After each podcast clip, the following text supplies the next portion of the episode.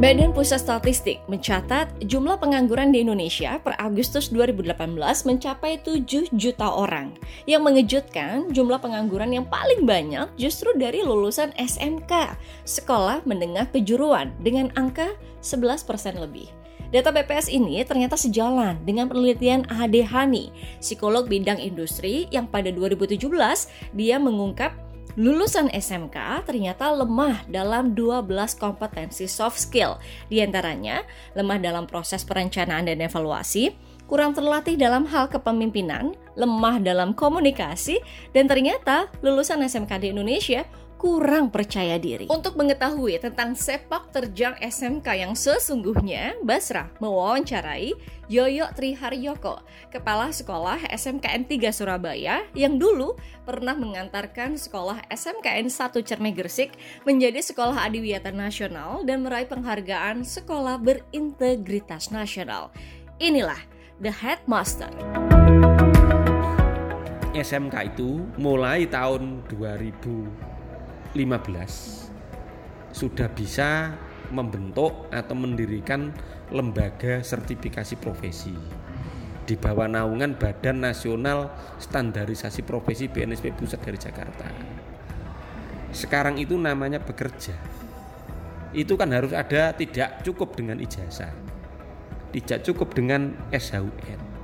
Harus dibekali dengan sertifikat-sertifikat kompetensi Nah itu kebetulan di sekolah saya itu sudah ada lembaga sertifikasi menaungi sehingga anak begitu unas itu kan teori ujian itu yang uji silang asesor silang begitu dinyatakan kompeten maka dilaporkan ke pusat untuk dimintakan blanko sertifikat penerbitan sertifikasi uji kompetensi yang dinyatakan kompeten tadi. Itu sebagai langkah-langkah untuk menyiapkan bekal menghadapi persaingan di dunia kerja yang semakin kompleks seperti ini. Nah, karena di SMK itu sebenarnya kan disiapkan ada tiga arahan, yaitu bekerja, ya, terus mandiri dan wira swasta. Makanya BMB itu apa? Ya, bekerja juga siap dengan skill-skill yang dimiliki. Terus melanjutkan juga disiapkan melanjutkan kira-kira tiga atau empat tahun ini juga banyak lulusan SMK yang meneruskan di beberapa perguruan tinggi. Tidak hanya perguruan tinggi yang biasa, mungkin perguruan tinggi yang level atas juga ada yang diterima. Cuma persentasenya masih tebal. Terus yang di itu wirausaha. Karena di SMK juga dibekali sekarang itu namanya pengembangan produk kreatif dan kewirausahaan. Bagaimana siswa belajar dengan kompetensi itu menekuni apa itu dituangkan dalam bentuk di masyarakat dalam bentuk bekerja berwirausaha tadi.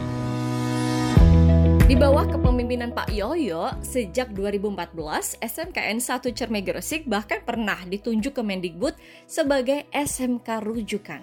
Jadi gini, tahun 2014, ya 2014 saya di itu langsung dibilangi secara lisan waktu itu oleh kasih kurikulum dinas pendidikan provinsi rencananya 2015 itu nanti pemerintah mengadakan ujian nasional berbasis komputer atau ujian online.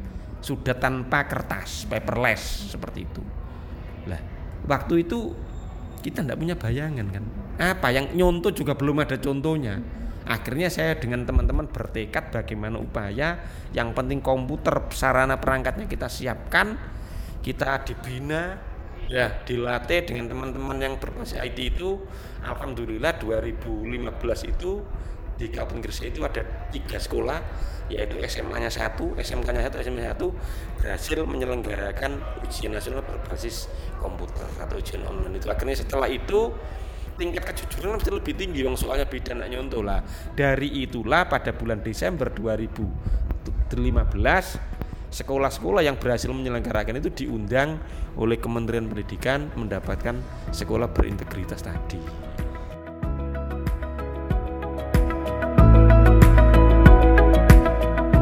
Berbagai upaya dilakukan Pak Yoyo agar kualitas lulusan SMK suatu saat nanti betul-betul bisa bersaing dengan SDM lainnya. Prinsip saya gini, kalau saya bertugas ya di mana pun tempatnya, itu saya belajar apa yang telah dilakukan oleh pendahulu saya pendahulu saya di tempat itu sudah menorehkan apa?